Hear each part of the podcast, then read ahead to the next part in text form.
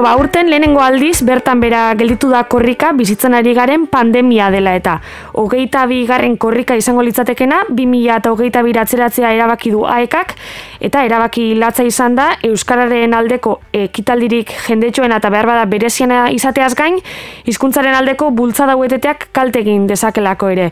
Korrika gainera helburu ekonomiko zehatza dauka, aekaren euskaltegitarako lana indartzea, eta beraz, atzeratzeak lan horri ere e, ez dio mesederik egingo. Alicia Iribarren dugu gaur gurekin, aekako irakaslea da bera, eta urten, korrikarik egongo ez denez, horren ordez antolatuko dituzten plan alternatiboen berri emango digu. Egun hon, Alicia? Egun hon, bai. Hasiera batean, urte berean beste data batzuetara aldatzea pentsatu zen duten, baina gero datorren urterako ustea erabaki duzue. Erabakia hartuta dago, ezta?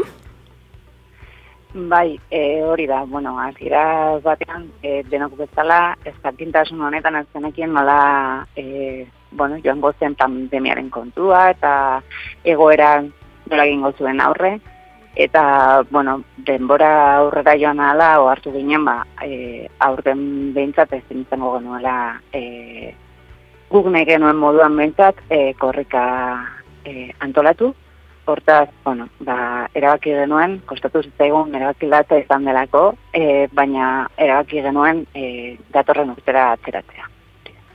Hori da.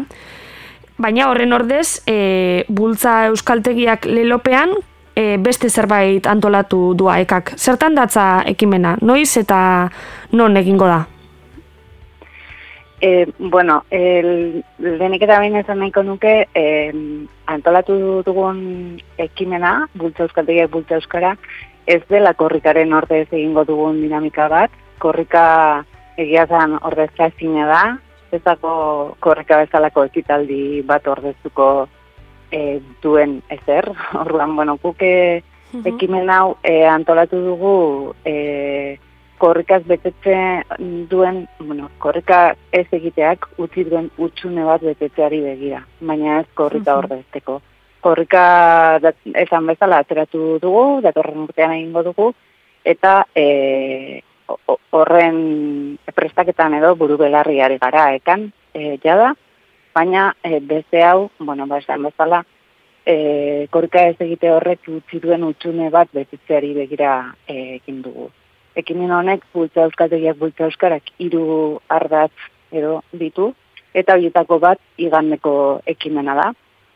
Iganean, e, bueno, larogei tokitan, Euskal Herriko larogei tokitan baino gehiagotan e, ekitaldiak antolatu ditugu, ekitaldi isuneak izango dira, eta, e, bueno, hauen helburua edo, e, bada e, Euskararen lekukoa kalera ateratzea, eta, e, Euskaldun mugimenduaren garrantzia plazaratzea. Eta zer, e, zer ekintza antolatuko dituzu ekimen horietan? Ze, bai, ze gauza hongo dira? Bai, e, bueno, esan bezala eki taldi xumeak edo izango dira, e, ordu erdi batekoak edo, e, denak aldi berean egingo ditugu, eguerdiko amabietan, eta e, e, bueno, lehenik eta behin aekaren mezuaren irakurketa edo egingo dugu. E, eta gero e, musikaz lagundutako ekitaldia izango da. Toki guztietan Euskal, e, Euskal Herrian Euskaraz e, abesti ezaguna abestuko dugu. Eta e, e, zera, egunerako propio e, prestatu dugun, edo egin dugun beste abesti bat ere e, izango dugu lekuko amin gainan e, ekimenarako propio egin egindako bertso rapada, eta hori guztiok aldi berean ere e, abestuko du. Eta horretaz gain, ba, tokian toki, e, bueno, ekimen ezberdinak e, antolatu dituzte, e, e, bueno, hori osagarritzeko edo, bueno, tokian toki esan bezala, bertsolariak egon daitezke, abeslariak, musika zuzenean esan nahi dut, e, margolariak eta bar. Horretaz gain gainera, e, diru ekarpenak egiteko plataforma ere jarri duzen martxan, aekako web horrian, eta ikusi dut dagoeneko amabi mila irureunda piko euro dituzuela.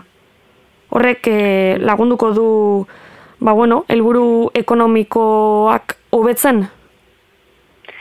Bai, noski. E, bueno, ezan bezala e, korrika ez egite mutxune batzuk ekarri dizkegu, eta horietako bat, ba, bueno, aekaren aurrekontuetan e, zulo bat erakindu, eta zulo horri aurre egiteko, ba, ekimen honetako hartatzeko beste bat, bata e, biru ekarpenen kanpaina atxoa. Mm jakin badakigu e, bueno, egoera ez dela polita inoren txat, baina e, bueno, diru ekarpenen kanpaina honekin lortu nahi dugun, eta bueno, e, da, erritarren sostengua, eta herritarrek alduten e, bueno, apuruarekin edo alduten arekin mentzote aeka, aeka laguntzea. E, Kampaina ez da bukatu, egun hauetan oraindik e, ekarpen hori egin daiteke eta e, informazio guztia gure web horrian dagoentzuk esan bezala bai. Hori da, ba, mila esker Alicia, seguru datorren urtean, herri zerri eta pausos pauso ibiliko garela Euskal Herri osoan zehar korrikarekin. Hau izan da guztia, bai. beraz mila esker. Hori da, mila esker zuei. Vale. Osondo, agur. Barakalduguan naiz eta Euskal, euskal, euskal tegira Euskal, euskal, euskal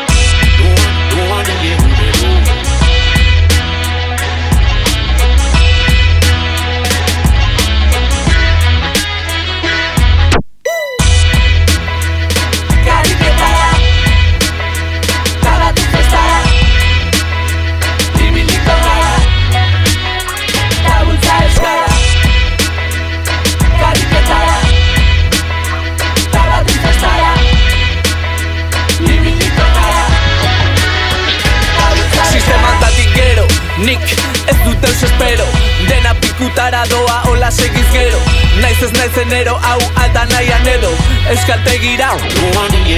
Balio dir rapean aritzeko itxuran Dudan ez gelditzeko liburuen mugan Nola zugan eragiteko esperantza dudan Balio dit esateko zenbat maite zaitudan Tasatzeko tente ditu dala buruta lepo Udaletxean paperak euskaraz eskatzeko. Natzaio eta zatzaizki tenten ditzeko Aserrez lepo banago gorotzatxiokatzeko hartzeko Nere moduko baten berri izan orduko. Izena emateari ezin egingo uko. Eldu albora, ta gure droga, zuk proba Euskara hartzen baduzu ez zara da mutuko.